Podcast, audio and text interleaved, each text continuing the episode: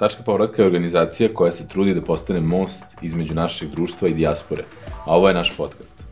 U njemu ćete čuti iskustva i priče naših ljudi iz inostranstva, naših povratnika i uspešnih individualaca koji stvaraju u Srbiji. Nakon kratnje letnje pauze vraćamo se nazad sa epizodama. Izvinjavam se na glasu, malo sam promukao i neka bolest nije korona, ali danas u gostima je Miša Mijato, Miroslav Mijato, prijatelj, neko ko je opet pravi primer cirkularnog migranta, neko ko je ukorenjen i u Beču i u Beogradu. On je serijski preduzetnik, otvorio prvi coworking prostor u Srbiji pre mnogo godina i sada radi na raznim projektima o kojima smo pričali. Umeđu vremenu je, nije postao je pisac, pisac je bio već duže vremena, ali objavio je knjigu. Tako da on je nekako nosi nekoliko šešira i nekoliko različitih uloga, ali je uvek zanimljivo razgovarati sa njim. Ono što ga čini zanimljivim za ovaj podcast jeste što je vrlo ponosni beograđanin koji živi već nekoliko godina na relaciji Beč-Beograd i više vremena provodi sada u Beču nego u Beogradu i pričali smo malo i o tome, o tom životu, o životu sa jednom nogom ovde, jednom nogom tamo, šta to znači za njega, za njegovu porodicu, kako će izgledati njegova budućnost. Tako da jedan sveobuhvatan razgovor i o poslu i o privatnim stvarima, osjećanjima, novim projektima i poduhvatima, tako da nadam se da ćete uživati u podcastu sa Mišom Jatovim. E, pa Mišo, dobro nam došao. Sad, sada i u ovom, ovaj, u kontekstu gosta ovaj, u, u tački povratka, mislim u podcastu tački povratka, mi se znamo jako dugo, sad u stvari već stvarno godinama, iz nekog prošlog života, iz neke prošle industrije, mogu reći i moje i tvoje. Tako je. Tako da, um, hajde ovako, predstavi se, meni ne moraš, ali kao da mi se predstavljaš prvi put, jer je prvi put kada smo ovaj, razgovarali, bila je tu neka rakija, tako da smo, pošto je to konti, kontinuirano, ovaj, moramo da nastavimo u tom nekom ritmu, tako da kako si mi se prvi put predstavio, kako, kako, ovaj, kako bi sad ponovo to radio, da se prvi put upoznamo?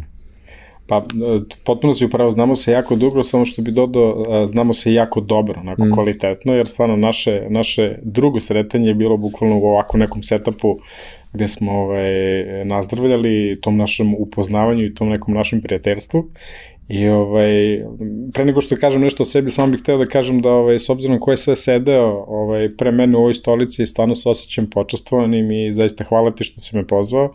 Apsolutno, mislim i mesto ti je apsolutno tu iz nekoliko razloga, a doći ćemo do svih tih razloga u toku razgovora. Najlepše hvala, ovaj, ali eto kad bi se ja ovaj, nešto ukratko predstavio, ovaj, da kažem nešto o sebi, e, ja sam neko ko ovaj, ima taj neki preduzetnički duh od kad znam za sebe i samo sam ga ovaj, posle fakulteta u nekom trenutku ovaj, krenuo da ga upražnjavam i da ga negujem i ovaj, otuda se, kako smo se mi upoznali u toj, kako se, to je danas industrija, to je coworking, ovaj, otvorio sam uh, coworking prostor u Beogradu, to je bilo 2012. Ovaj, I mi smo se možda dve godine kasnije upoznali. I to je bio prvi coworking u principu u Beogradu? To je bio prvi coworking u Beogradu, ovaj, ali treba ovaj, spomenuti i naše dragi prijatelji iz Nove Iskre koji su malo posle toga otvorili. Da, da, neposredno tu, isto je to rekao. Jeste, da. u, u, u nekom razmaku od nekoliko meseci ovaj, i stvarno ovaj, to kada se pojavilo i način na koji sam ja došao do te informacije šta je to coworking kada su me pitali, ja nisam imao pojma o tome. I onda je tako neka ptičica ovaj, iz inostranstva me pitala ili imate vi to u Srbiji, ja sam rekao da nema, ovaj, istraživao sam i nešto sam skapirao da ovaj, moglo bi to da se dobro ovaj, nastane u Srbiji i da se razvija. I stvarno, ovaj, evo, posle od 2012. do sada stvarno ovaj, Srbija može da se pohvali kao da smo jedan centar za, regionalni centar za coworking, za co-living, da dolaze digitalni nomadi, tako da eto sve to nešto imalo smisla ovaj, 2012. Ovaj, zatim, uh, kada sam polako krenuo da izlazim iz, uh, iz coworkinga u smislu prostora, da nisam više operativan, da nisam generalni menadžer, da nisam, ovaj, da se ne bavim samo time, onda sam želeo da okupam, okupljam ljude koji se time bave iz sveta, iz regiona, s obzirom da smo obišli toliko konferencija i zajedno i što ja individualno i onda smo 2019. godine ovaj, napravili tu coworking co-living konferenciju Southeast Europe mm. i to je stvarno ovaj, to je bilo jedno, jedno fenomenalno iskustvo zato što je u jednom trenutku u Beogradu se našlo više od 300 ljudi iz 33 različite zemlje sveta gde su došli da vide šta je tu u Beogradu i stvarno svi su bili oduševljeni i ta konferencija je prošla zaista... To smo zajedno radili, To taj smo poslednji zajedno, dan je jeste, bio u to Mokrinu. Poslednji dan je bio u Mokrinu i Mokrinu su svi bili oduševljeni, onako, malo ih je onaj put do ovaj, Mokrina kao ja, kad ćemo da stignemo, ali kad su stigli, potpuno su svi bili oduševljeni, meni su nedeljama i mesecima posle toga pričali kao ko je ono raj što ste vi napravili tamo dole, tako da je stvarno ovaj, e, Srbija što se tiče coworkinga i co-livinga, pogotovo i sa co-living koji se sve više i više razvija, ovaj, stvarno smo ovaj, mapirani dobro i, i ne samo u regionu, nego i u Evropu i u svetu i ne mogu da se organizuju neke velike svetske konferencije, a da se ne pozove neko iz, iz Srbije i da kaže šta ima, s obzirom da, i ko, i da je i Mocken House uh, bio na listi Forbesovoj među top 5 uh, Da. co-living prostora na svetu, to svakako nešto znači, to jeste neka referenca. Jeste, jeste, ali e, mislim, ajde kažemo, jako mi je drago što smo na, na mnogim stvarima radili zajedno, pa i, ali ovde e, u potpuno drugom kapacitetu sediš uh, kao gost, zato što si neko ko je danas u dijaspori. Jeste. E, I to već koliko godina? Ja, to je, to je sad već krenulo uh, 2011. Uh, mene kad pitaju ljudi ovaj, šta sam ja, ja kažem da sam ja ljubavni migrant. Mm. Zato što ovaj, ja sam nekako počeo da razvijam taj... Cirkularni ljubavni migrant. Cirkularni ljubavni migrant, Da. da. da. Ja sam krenuo da razvijam coworking prostor kad je moja tadašnja devojka ovaj, rekla kao ajmo da idemo kao ona je dobila posao ekspata na godinu dana u Beču i kao godinu dana može veze i da potraje ovaj, godinu dana tako na, na daljinu, a hvala Bogu Beč je na samo 650 km od Beograda i onda tako ajde godinu, pa ajde još godinu, evo to traje već od 2011. ja sam na toj relaciji Beograd-Beč, s tim što sam poslednjih, ajde da kažem, pet i po godina intenzivno u Beču, a manje u Beogradu. Da. I kako, kažeš taj preduzetnički duh u tebi, kako, Izvini, samo jedan moment, da, bivša devojka je danas žena. Jasno, ovaj, jasno, Tako da, da, da. ovaj, da ne bi nakon slušanja bilo da, kući, Da, da ne bi bilo da kad dođemo... da više ovaj, vremena provodiš u Beogradu da. nego u Beču posle. Upravo to. Ove, ali kako, kako si uspeo da menadžuješ to da privatan život i posao vodiš na te dva paralelno nekako traka i na, u ta dva različita grada? Kako je to izgledalo ovaj, za tebe? Ti, ajde da kažemo, verovatno postoje te neke dve etape. Prva kada si više bio ovde, a manje tamo, Tako sada je. obrnuto. I u, u, ob, u oba, da kažemo, ta perioda vodio si biznis. Kako je Jeste. to izgledalo? Mislim, ti si stvarno nekako u tom nekom kapacitetu, stvarno neko ko je cirkularni migrant, eto ti kažeš cirkularni ljubavni migrant, Da. ali ovaj, kako je, kako je to izgledalo? Pa, st- stvarno u početku, pogotovo kad je, kada se firma Smart Office razvijela, taj prvi coworking prostor, to je stvarno bilo jako teško, ovaj, zato što opet ima, vuče vas to privatno, želite da provodite vreme sa, sa suprugom i sa porodicom i da stvarate taj neki novi život, a opet s druge strane posao e, je, onako bio, bio vrlo perspektivan i, i raslo je iz meseca u mesec. I onda je to nekako stvarno to moje žongliranje između Beča i Beograda u nekim trenutkima, trenucima baš bilo, ovaj, bilo naporno, ali ja sam nekako ovaj, to sebi rekao, aj ti to sad moraš, vidi, a, probaj, ovaj, u životu uvek prestoje ovaj, makar jedno kajanje, da li nešto što si uradio ili nešto što, što nisi uradio, ovaj, ali ja sam stvarno verovao da coworking je nešto što je jako dobro, što je što što će da bude u Srbiji a, da ima da ima velikog uticaja i, i to iz razloga zato što ja volim da sam u, u, u, sa ljudima, ja volim da okupam ljude i onda mi je to nekako bilo kao znam da je coworking nešto što generiše dobru energiju, ljude, nove projekte, preduzetništvo. Sad e, moram da se prekinem zato što ja i ti nekako toliko smo dugo bili u tome da kao coworking nam je toliko jasno, jasan kao koncept da kao nam dođe kao dobar dan, ali znam da i dalje postoje ljudi koji kao, ok, coworking, čuo sam nešto, znam da to neki vezano za kancelariju i to, ali možda na- naj nekako ilustrativnijem mogućem formatu, kako su izgledali recimo prvi dani smart office-a, Pa će tako i ljudi moći da ukapiraju stvari šta je zapravo u, u, u začetku bio coworking, a možda možemo da se dotaknemo šta je coworking danas, evo i tačka povratka. Tim je uh, u kancelarijama Nove Iskre koji si pomenuo na samom početku. Kako je izgledalo to na početku, ti prvi dani smart office i kako si iz te neke nukleusne ideje došao do nekog minimalnog proizvoda pa kasnije širio? Pa ja sam, ja sam krenuo potpuno pogrešno ovaj, u, u, u ceo taj posao, ovaj, ja sam radio i biznis plan i financijske projekcije i sve to i sve se to pokazalo kao potpuni promašaj. Ovaj, mm -hmm. Ja nisam radio nikakvu predprodaju, ja sam samo kao bavio se objašnjavanjem uh, šta je to coworking i mislio sam da ću ja to svima tako dobro dobestim da će oni svi u hordama onako da pohrli da dođu u smart office, a prvih mesec dana je izgledao tako što sam ja sam ovaj, u kancelariji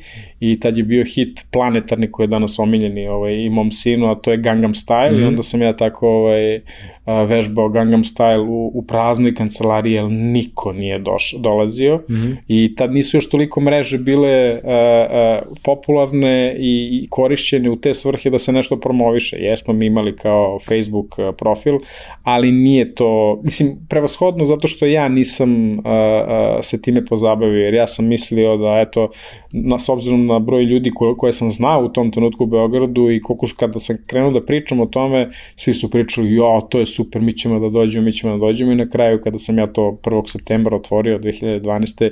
niko nije došao. Da. I to je baš bilo onako ovaj, frustrirajuće ovaj, dobrih jedno mesec dana i onda kad znaš, malo ti se tu poljulje i, i, i samopouzdanje i je to dobro što ti radiš, cela ta ideja. I onda sa jedna je moja drugarica koja je takođe počinjala svoj uh, biznis, a to je uh, blogging, ovaj, napisala jedan blog o tome ko eto kao ima neki smart office u Beogradu, to su kao kancelarije u kojima se okupljaju neki ljudi i tada je zazvonio telefon prvi put i to fiksni telefon, znači ne mobilni. Da. I, ovaj, I onda se desilo da, se, da je neko video i post na Facebooku i eto mi smo posle mesec i po dana počeli da dobijamo neke prve ljude da dolaze u smart office i ja sam tu je onda moja sreća bila ogromna ovako zato što mm -hmm. stvarno je ovaj, pokazalo se da to ima neki potencijal, ali opet nije to bilo dovoljno u prvih godinu, godinu i po dana da a, da kažemo da jedva smo opstali u prvih godinu i po dana. Da. Ovaj, ali... A šta ti recimo, sad govoriš o tome kao nekim početcima koji su uvek jako uvek, teški. Uvek teški. Isto mogu da ispričam istu priču sa, sa Mokrim Hausom i sa, sa sedenjem ono, u praznoj prostoriji kao duh na početku. Ali, ovaj, ali um, šta je tvoj recimo neki najveći uspeh koji nosiš iz Smart Office-a? Šta je neki najponosniji trenutak iz te sad nekoliko godina, sad ti ćeš reći u kom trenutku si tačno izašao iz Smart Office, se ja sećam, ali ne mogu tačno godine kada, da. kada si odlučio da, da, da kažeš taj deo i coworking industrije napustiš, taj operativni deo, ostaneš u tom nekom suštinskom, ajde da kažemo, u industriji dalje, ali ne u samoj operacijama. E, koji tih par godina raspona e, ti je bio neki moment kada si bio najponosniji? A, pa stvarno uh, uh, Smart Office kada je počeo da radi stvarno je uh, post, kada smo prošli tu barijeru neko od tih godina, godina i po dana, stvarno je to raslo nenormalno. Znači, mi smo na svakih 6-7 meseci morali da uzimamo dodatnih 100 kvadrata, 150 kvadrata, još jedan sprat, i ovaj, ali kada si u operativi, uh, nemaš ti baš mnogo vremena da si ponosan i kao sad onako sedneš i kažeš, bravo majstore, ti si to odradio, mm ovaj, nego jednostavno u tome si i to mora da se radi i moraš, ne osvrćeš se mnogo na taj uspeh dok te neko ne podsjeti, kaže kao je, vidi to mm. si super uradio, a ja sam taj moment počeo da osjećam uh, uh, kada smo krenuli da idemo po internacionalnim velikim evropskim konferencijama, gde smo bili zajedno, mm ovaj, kada su ljudi prilazili i kada su nam govorili kao, e, čuli smo za smart office, čuli smo da super radite, nekako smo mi njima bili egzotika i kao nešto se dešava u Srbiji, ali nekako su svi znali. Svakako je doprinela mnogo i ona nagrada koju smo dobili na jednoj uh, Coworking e, Europe Conference koja je bila za, mi se organizovali smo neki event, tad je bila najveća najezda uh, E, migranata koji su prolazili kad, na železničkoj stanici mm -hmm. kada je bilo sve onako i onda smo mi organizovali neki event uh, humanitarni i onda smo dali doprinos od 100 obroka, onda smo išli podeliti to i to smo kao aplicirali sa time da smo eto uradili neki event i na Coworking Europe so, smo jednoglasno bili izglasani da je to upravo takav koncept mm. eventa koji treba da se promoviše i tada smo dobili to kao nagradu Uh, I nekako sam tad počeo da osjećam, kaže, pa dobro, mislim, stvarno radimo nešto jako dobro. Mm -hmm. I samo ta, sam taj moment kada smo i mi u Srbiji počeli da se okupljamo kao coworking prostori koji su rasli u Nišu, u Novom Sadu, u Zaječaru, u Zrenjaninu, u Zrenjaninu i sad ceo taj moment kad ti vidiš kao možda ono povuko si nogu i kao sad se to nešto kotrlja u nekom dobrom smeru Ove, ja sam onda negde osetio stvarno kao, kad, sam, kad sedneš tako sam sa sobom, onda staviš rakicu, neko te tako malo čukne i kaže, e, to je stvarno super, ovaj, taj ponos je sve više i više rastao. Pa da, Coworking asocijacija je osnovana u Nišu i na, na Maramici nekoj, onoj, Jeste, ta, kako se zove, na, na mislim, na, onoj, na Salveti, Salveti da, ono, je da. ispisane su potpisi svih osnivača Jeste. i onda je to posle uramlja, to su ove izdelija. To je uramljeno i onda su ove, ekipa iz Delija iz Niša to da. ovaj, multiplicirala i onda je svaki coworking prostor dobio, ovaj, to, ko je bio potpisnik te da. salvete, ovaj, kako se formirala coworking asocijacija. Tako da i dan danas ja osjećam taj neki ponos. Evo, tu do to ime radi, pošto kad smo da, tako kak, i načeli. A, a, apsolutno, ovaj, za, za osnivanje to i za da. taj jedan fenomenalan provod. Ovaj, tako da ja konstantno, ma, malo, malo pa se vratim na to i stvarno mi je drago što sam upoznao fenomenalne ljude. Uh, uh, iz, iz toga se izrodilo mnogo nekih drugih projekata i meni je onda uvek kad tako nešto čujem puno srce što se to dešava drago mi je što sam bio deo toga. Ja svakako, ovaj, cela ta ekipa naša koja se formirala u Srbiji je odradila majestralan posao u promovisanju coworkinga, pogotovo kad smo svi onda zajedno išli um, na te velike konferencije, tako da ono, tu i tamo kažem sebi je stvarno da. uradio si dobar posao, treba da budeš ponosan i svakako treba da budeš ponosan na sve te ljude koji su učestvovali u tome, a stvarno je jako puno ljudi koji su doprinili da I kako ti je bilo kad si odlučio da napustiš? A, pa to je, mislim, a, evo, ovo je vrlo, vrlo iskreno ću to reći, u nekom momentu to moje žongliranje između Beograda i Beča a, nije više bilo moguće ja se nisam osjećao dobro, a, trpiti porodica, trpiti i posao i umeđu vremenu ja sam dobio ovaj, sina i onda je bilo taj moment ono kao ne možeš da živiš na dve stolice. I mislim, generalno u životu, kad radiš nešto, uh, može čovjek da radi svašta od jedan put, ali najbolje kad ima neki fokus i kad se nečemu posveti. Ja sam u tom trenutku ovaj, odlučio da je meni porodica najbitnija, da ja želim da te prve godine vremena provodim sa svojim detetom i sa svojim suprugom i da ono, bu, bu, želeo sam da budem prisutan ono kad on prohoda, kad kaže prvu reč, a ne da ja sad, o, ja sam tamo u nekom Beogradu, coworking i sad kao mi žena javi, da, da, i meni žena, da, jer mi treba još 200 kvadrata, onda meni ovaj, da mi supruga javi, kaže, vidi, ovaj, Todor je rekao mama ili tata, to bi me baš onako ovaj, emotivno bi me skrhalo i onda sam ja odlučio i nekako se poklopilo taj rast smart ofisa a, sa mojom tom nekom željom da ja malo sad više izađem iz toga. A, moj dugogodišnji a, prijatelj a, je isto tražio neke opcije za sebe i onda smo se nekako to vrlo lako dogovorili i stvarno smart office se i dalje razvija, jako lepo funkcioniše, sistem je uspostavljen, Tako da ovaj, to mi je drago da čujem da, mm. da to još uvek postoji, ali ja jednostavno sam, morao sam da se malo ovaj, distanciram od toga i fizički, a i kažem želja ovaj, da se bude sa porodicom je bila mm. mnogo veća od svega ostalog.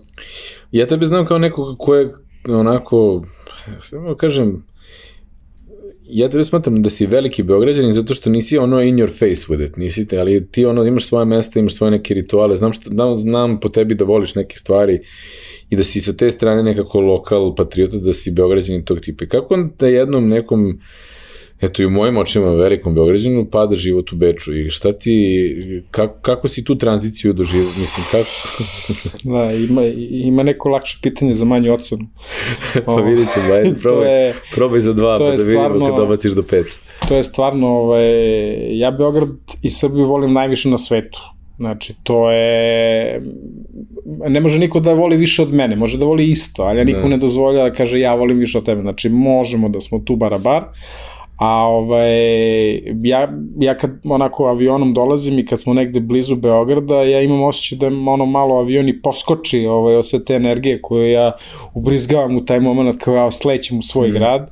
Ovaj, e, Beograd je moj grad i ja se ovde osjećam najbolje ali opet s druge strane Beč je po svim istraživanjima i po svim izveštajima jedan od najboljih gradova za život i u Evropi i na svetu. I to se jedini takmac mu je neki, su mu neki gradovi koji su na Novom Zelandu, tako da ja stvarno mislim da a, ne postoji mnogo boljih gradova za život u Beču za ljude koji su u fazi života koji sam ja, to je sad malo porodic, više porodica, sve ovo, malo ćemo posao da stavimo ovaj, sa strane.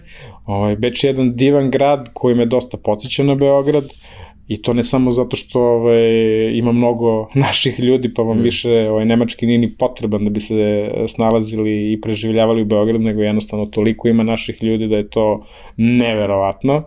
Ovaj, Beč mi je onako, um, ja uvek kažem i to nemam nikakvu negativnu konotaciju kad to kažem, ali Beč mi je onako malo kao sanatorijum. Uh, tamo je energija potpuno drugačija zato što su uh, egzistencijalne životne stvari a, mnogo drugačije nego što su u Srbiji što su u Beogradu. I ja, ovaj, čak smo, imao sam jedan slučajni eksperiment, onako, ja sam a, doleteo, znači, vozio sam se metrom u, u Beču i sve to bilo super, i sve to neka, neka, neka svetla ovaj, atmosfera. Ja sam doleteo u Beograd i ušao sam u 56-icu koja ide ono tamo ovaj, preko Brda, preko Žarkova, dore Čukarica i video sam ono ljudi koji su onako u autobusu onako tmurni, neraspoloženi, sve to i onda mi je to bukvalno taj a, a, pandam, tamo mi je to sanatorijum gde ja mogu malo da se opustim, a ja kako uđem u Srbiju, to je potpuno druga energija, to je nešto onako malo što ti daje gas, to je nešto što te sekira, to je nešto što te nera, to je nešto što te ono vozi u najpozitivnijem smislu kao, e, i ovde ima puno potencijala, treba raditi, e, imam drugara koji radi ovo i meni je taj, ja se, ja i dan danas se nekako snalazim ovaj, u tom žong žongliranju moje ljubavi neizmerne prema Beogradu i mog neverovatno velikog poštovanja prema, prema Beču. Beču svaka čast, ovaj, ja sam tamo i ja nameravam da još neko vreme budem tamo, ali jednostavno Beograd je moj grad i ja se, meni je korak drugačiji u Beogradu nego što mi je u Beču. Kažeš, još neko vreme si tamo. Šta je neki kod dugoročan plan? Da vidiš sebe da ostaješ da živiš u Austriji ili misliš da se vraćaš? Da, pa s obzirom da, da, da je moj, moje dete sad, ne ove, ali sledeće godine treba Kreće da krene u školu, da, ovaj, ja svakako vidim sebe uh, još neko duže vreme tamo, ovaj, posmatram i sve te neki ljude koji su već u Beču i u Austriji, koji su stariji od mene i koji su svi imaju te velike planove da se vrate u Srbiju jednog dana, da dođu, da započnu neki biznis ili u krajnjoj liniji da uživaju u svojim nekim penzionerskim danima, ovaj, ali onda kao, naš, dođe to, taj moment kao deca, treba deci neka pomoć, mm -hmm. asistencija, pa kao, ej, ajde, ajde dok ne završi srednju školu, ajde dok ne završi fakultet, ja, pa gde se, ono, došla deca, pa kao, ajde da budemo to unucima. Tako da ja, ovaj, nemam taj neki dugoročni plan u smislu gde se vidim za 5, 10, 15 godina, ali definitivno je Beograd moja prva kuća, Beč je moja druga kuća i mm. tu ću biti na toj relaciji još jako dugo. Ne, ne planiram, ono što je sigurno je da ne planiram a, a, promenu a, u smislu da ću neku od te dve lokacije da zamenim nekom trećem. To, da. to, to ne planiram. I u to nekom tom karijerom putu ti nekom trenutku zbog porodičnih odluka napuštaš biznis koji si kreirao a, i tad nakon toga je počela cela priča sa konferencijom koja je bila 2019. pa Tako ti to nastavio 2020 koja je bila u online formatu, ovaj, i um, ja znam da si sve to neko vreme, nekoliko puta smo i pričali o tome, uvek si ti nešto to piskarao na nekom Facebooku, nekim notes uh, i sekcijama koje si objavljivao i to je nekako bilo relativno zapaženo u, ne, u, u početku, a posle mi je dosta bilo praćeno kad ti mm. nešto objaviš, nekako ljudi komentarišu i dele to. I ja recimo nisam ispratio, ne znam da li je to bilo nešto što, što si ti dugo planirao, znao sam, ti si meni pričao da pišeš nešto, mm. ja nisam znao u kom će formatu to da bude, ali samo odjednom sam vidio da si objavio knjigu. Da.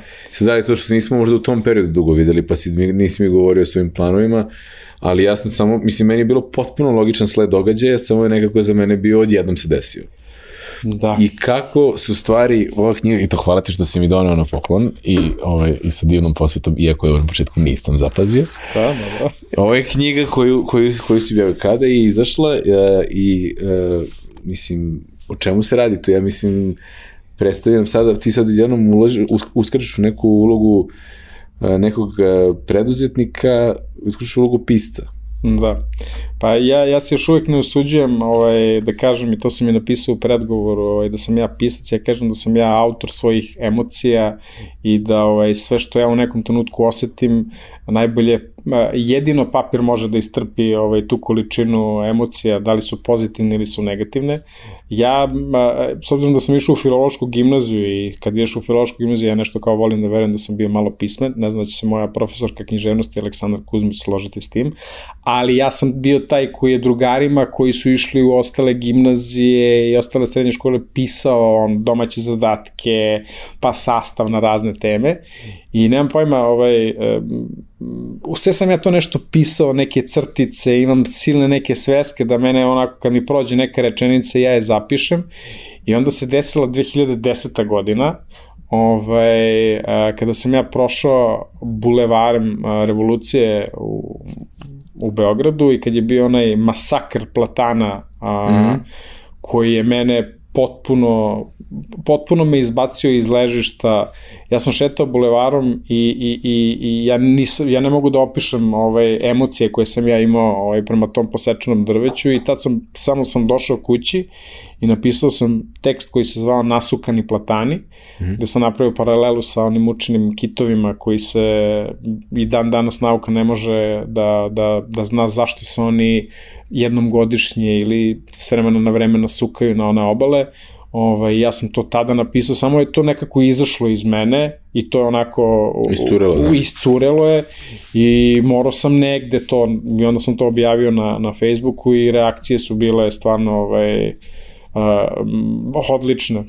Svi, svima se to nekako svidalo, srodili su se sa emocijom, srodili su se s tim šta ja osjećam prema Beogradu u tom trenutku ovaj, i onda sam ja krenuo to tako da pišem. Ja u tom trenutku svakako nisam znao ovaj, da će evo, danas da, da ja tebi poklonim svoju knjigu i da kao to izgleda tako.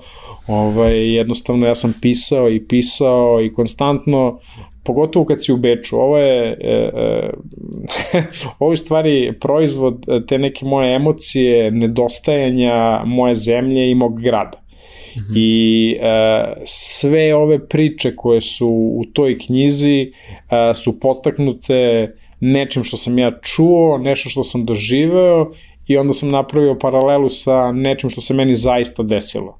Znači, nema tu imaginacije, to je jednostavno neki moment mi se desi u životu i u Beču me, pošto naša kuća je 800 metara od Dunava, i ja mhm. svako jutro idem, obiđem jedan krug i onda valjda i to i drveće, i priroda, i reka, i sve, i onda me nekako to ovo, isprovocira da kad dođem kući malo porazmislim o tome i stvarno sve te priče koje su u, u, u ovoj knjizi su proizvod neke moje emocije, da li sam nešto bio ljud, da li sam bio nešto tužan, a, da, li sam, da li u meni se desila neka neviđena sreća, ja sam jednostavno morao, ovaj, kad svi legnu u kući, kada se sve pogasi, morao sam jednostavno to veče da sednem i do ujutru, do, dok se to ne završi da, da, da napišem. I onda sam povremeno objavljivao te sve tekstove i ljudima se to stvarno svidalo i onda sam rekao, okej, okay, ovaj, ajde da probamo da napravimo od toga knjigu, da izdamo ovaj, i onda se, onda se desila korona. I onda sam ja ovaj, dao sebi neke zadatke, mm -hmm. ovaj, a to je kao, jer korona je donela svima onako neku i depresiju i neizvestnost i ne znamo šta ćemo, a ja sam onda odlučio, rekao, ok, ovaj, nećeš da se ugojiš, nećeš, ne znam, ja sada da, da ti bude izlaz kao da sad ti popiješ svaki dan nešto, ne, ne ja sam rekao, ok, ja ću sad da, da se bavim knjigom. I ovaj, onda smo pakovali sve te priče, uh, ilustracije koje se nalaze unutra i onda su se ovaj, prijatelji iz lokalne fondacije Niš i iz naše kolegi iz mm. Deli Coworking prostora, prostora za kreativno delovanje su se ponudili da, da, da izdaju tu knjigu, iako njima izdavaštvo nije primarna sfera delatnosti I eto, onda smo se mi sad u februaru 2021. dogovorili i knjiga je izašla a, sredinom jula i ja sam onako morao prvo da, da, da, kada sam dobio te knjige, ja sam morao prvo da razmislim o tome šta je to, kako, se, kako ja sad se obhodim prema tome. Ovaj, morao sam čak i da odem malo negde da, da se izmestim ovaj, da dobro porazmislim o tome šta sam uradio, jer malo te strah, malo te ono kako će ljudi da reaguju, da će to ljudima da se svidi, ovaj, i onda sam rekao, ok, ajmo idemo, sad smo to uradili, i evo stvarno ovaj, reakcije su stvarno jako dobre mene iz dana u dan sve to više i više diže zato što vidim da mnogi ljudi imaju istu emociju kao ja prema svom deti, svojim detinstvima, prema gradu koje vole, a nisu u tom gradu, prema zemlji koji su morali da napuste. Tako jel bih da... rekao da je tvoj, bi ti rekao da je tvoja knjiga čitanija u dijaspori ili u Srbiji? Pa, e, e, mi smo tek krenuli sa promocijom knjige. I e, ja mislim iskreno da bi se više ljudi iz dijaspore uh, skapirali koje su moje emocije, zato što ja tu opisujem, opisujem i neke ulice i neke kafane kojih više nema u Beogradu i vojvođanske neke momente koje ove, moje, moje alaloško poreklo ove, ne dozvoljava da se zaborave. Ja mislim da bi u dijaspori to negde ove, da, bi, da bi kliknuli sa time što sam ja napisao, ali svakako ove, i ljudi koji su kod nas ovaj, sviđa im se. Dele tu emociju, da da dele tu emociju i vidim da svaki dan kako smo krenuli sa distribucijom knjige, inače svaku knjigu ja i spakujem i pošaljem, znači nema to distribucije velikih centara i ostalo, ovaj, ja se trudim nekako da prenesem tu energiju i kad je pakujem i kad je To je taj preduzetnički duh od starta. A? Da, da, to je to preduzetništvo, da, to je ovaj, neverovatno, to je preduzetnik si ovako u poslu, preduzetnik si ovaj, kad napišeš knjigu, ako mm -hmm. želiš da to dopre do određenog broja ljudi. Da. Um, imam neko pitanje koje, ali sad nekako mi koje uglavnom postavljamo na kraju ovaj, ovog podcasta, ali potpuno je prirodno da to ono bude postavljeno sada. E, a to je koju si knjigu, izuza svoje, najviše puta poklonio nekome? Uf, to je dobro, to je odlično pitanje. A, pa kad sam bio u srednjoj školi ovaj, iz nekih e, skrivenih pobuda ovaj, poklanjao sam knjigu 100 godina samoće. Dobro. Ovaj, jer sam mislio da je to cool naziv i da to ovaj, će da se svidi neku, određen, poru, neku pravu poruku da ne, pošalje. Neku pravu poruku da pošalje. ovaj, ali e, definitivno u poslednjih nekoliko godina a, a, knjigu koju sam stvarno onako zdušno ovaj, i preporučivo i poklanjao je knjiga od Lazara Džamića, to je Čaj od šljiva. Zato što ja kada sam čitao tu knjigu, ja sam onako, meni, meni je glava eksplodirala, onako, ono, ja kao, ovako čitam i ovako kažem, da, da, to, to, to je, jest. Na, znači, ono, potpuno me čovek pogodio sa svim tim nekim ovaj, momentima života u, u, u inostranstvu. Da, ja mislim da, da ste vas dvojice jedini. Mislim da ste jedini koji imamo, sam mogu da postavim pitanje koju si knjigu poklanjao najviše izuzev svoju. da.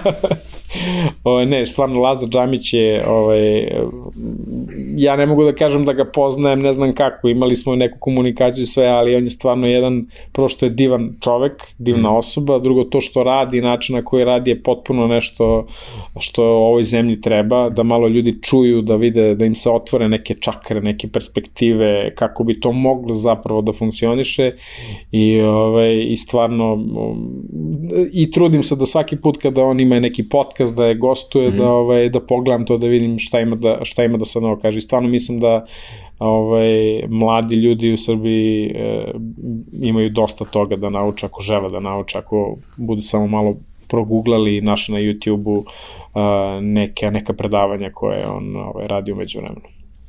Um, I ovo je drugo pitanje koje je nekako izvedenica iz onog što će biti, da kažem, ajde, poslednje pitanje u ovom razgovoru, a, koje je isto pitanje koje postavljamo a, većini, e, svima koji dođu kod nas u goste, ali um, šta ti recimo najviše nedostaje iz Srbije? Um, I sad, to su uglavnom odgovori su, ne znam, moj kraj, ljudi ili to, ali nekako volio bih od tebe da dobijem baš onako neku sitnicu. Šta je ono što ti recimo kada si u Beču, kada onako u pola noći dok pišeš, pomisliš nešto što bih voleo da sada mogu, šta je to, šta tebi nedostaje iz Srbije? Ne postoji lakša, ne postoji lakši odgovor na to pitanje, ako je baš, ako se baš vezujemo za sitnicu, ono šta ne. meni fali ovaj, u, u Beču, ja sam ritualista. Ja volim ovaj, određene rituale, praznike i sve to, ali recimo kad sam u Beču, užasno mi nedostaje da sedim u Kaleniću, ovaj, zato što je to kafana u kojoj ja a, bukvalno od kad sam rođen, postoje slike gde sam ja u Kaleniću sa mojim ocem, gde ovaj, pijem neki sok, uh, klaker od maline, ovaj, jedem mekike, ovaj, naravno to su umeđu vremenu... I penu od piva. Je, da, da, i penu od piva. umeđu vremenu se to malo upgradeovalo i ja sad, ono, ja kad dođem u Srbiju, meni je obavezna stanica a, Kalenić, gde ja naručim paketić, a to je kafa, to je rakija i to je e, ratluk, kockica ratluka i taj moment, recimo sad kad je bila korona, ja, ja imam ritual, ja, mene svakog 31. decembra ovaj, može čovjek da zatekne kako sedem, sedim sam ovaj, u, e, u Kaleniću ovaj, i ove godine, prost, ovaj poslednji 31. decembar u vreme korone kada nije moglo tako sa putuje, to me sedeo sam u Beču, u svojoj kuhinji i napravio sam isti setup, istu rakiju iz Srbije i ratluk od Bosilčića, sve sam ja to imao, ali jednostavno to je nešto što ovaj, ja, ja, ja to volim i to mi, to mi vrlo, vrlo često nedostaje. I na tu kontranotu, uh, da imaš ono, magični štapić i da možeš jednu stvar u Srbiji da promeniš kao ono da sutra, nakon, sutra svi se probudimo i to postane kao opšte prihvaćena stvar koja je usvojena i imaš tu ono jednu, ono, jednu želju, šta bi promenio? Pa ja baš ne volim kad me neko ograničava, ovaj, što ti sada radiš, ovaj, jer to ne, mene... Ne, ja te to, fokusiram. Aha, i onda mene to dodatno motiviše, ovaj, kao šta bi ja sve. Ovaj, uh, pa ja bi uh, voleo da, da imam taj čarobni štapić i, i, i da tu magiju mogu da prospem, je to da, ovaj, da izbrišem tu granicu između nas i njih. Jer ja ne znam ni ko su nas, ni ko, ko su njih i ovaj, Srbija je jedna duboko podeljena zemlja što mene užasno frustrira kao nekoga ko živi na toj relaciji, ali prevashodno provodi vreme u Beču. Uh, stalno je to mi, oni, ovako, onako, uh, mislim, ono, ja bih stvarno volao da postanemo makar ono bolje komšije jedni drugima, jer ta institucija se izgubila, ono, da budeš dobar svom prvom komšiji pored, jer te podele, to je ono što ovaj, nas koči, to je ono što u čemu mi regresiramo već decenijama i ja bi stvarno, ako bi jednu stvar morao da izaberem, onda da se izbriše ta imaginarna granica između ovih i onih, nas i njih, jer ja ne znam ni ko su ovi, ni ko su oni, a siguran sam da imam prijatelje i kod ovih i kod onih, mm. i mhm. kod nas i kod njih, i moramo da nađemo način da ovaj, funkcionišemo i moramo da način, nađemo način da politika nije ultimativna stvar i da je to stvar života, to je samo alat koji će nam omogućiti da možda malo bolje živimo i to je to. U time morat ćemo i za kamere još jednu da, ovaj, da ga rakiju da, da, da popimo. Hvala ti što si bio gost podcasta Tački povratka. Želim ti srećen put nazad u Beč. E, želim ti sreću na, i, i puno uspeha u promociji ove knjige. Nisam imao priliku da je ni načinem, zato što sam je dobio pre, ovaj, neposredno pre, pre samog početka snimanja, ali javit ću komentare. Um, tako da, uh, još jedno hvala ti što si bio gost i, i vidimo se u nekom, neki drugi put kada se možda budeš vratio na duže i kada ovaj, možda budeš još neku knjigu objavio. Hvala tebi na pozivu, zaista mi je bila čast i evo dok smo sad ovo pričali, ovaj, ovaj setup ovaj, kao uh, da je ovo podcast, u stvari ovo je kao nastavak mm. uh, tog nekog radijskog momenta gde sam ja započeo svoju karijeru, ja nisam uh, već 16 godina seo za mikrofon ovog tipa i stvarno mi ovaj... Ovo, ovo neka nova ideja u pomogu. Da, ovo mi je fenomenalno i ja, hvala ti na ovoj... Ja, kreneš podcast pa me zoveš sledeće, ne, ja ti gostujem. ne, nećemo ići to, nemamo, nemamo vremena, nemamo ne. vremena za, za sve projekte i za groblje ideja koje ovaj, nikad neće ugledati svog dana, jer jednostavno dan traje samo 24 sata. Ali hvala ti puno na pozivu i ovaj, uvek je zadovoljstvo uh, pričati s tobom i ovako ispred kamera i svakako i iza kamera. Drago mi, ništa, vidimo se. Vidimo se.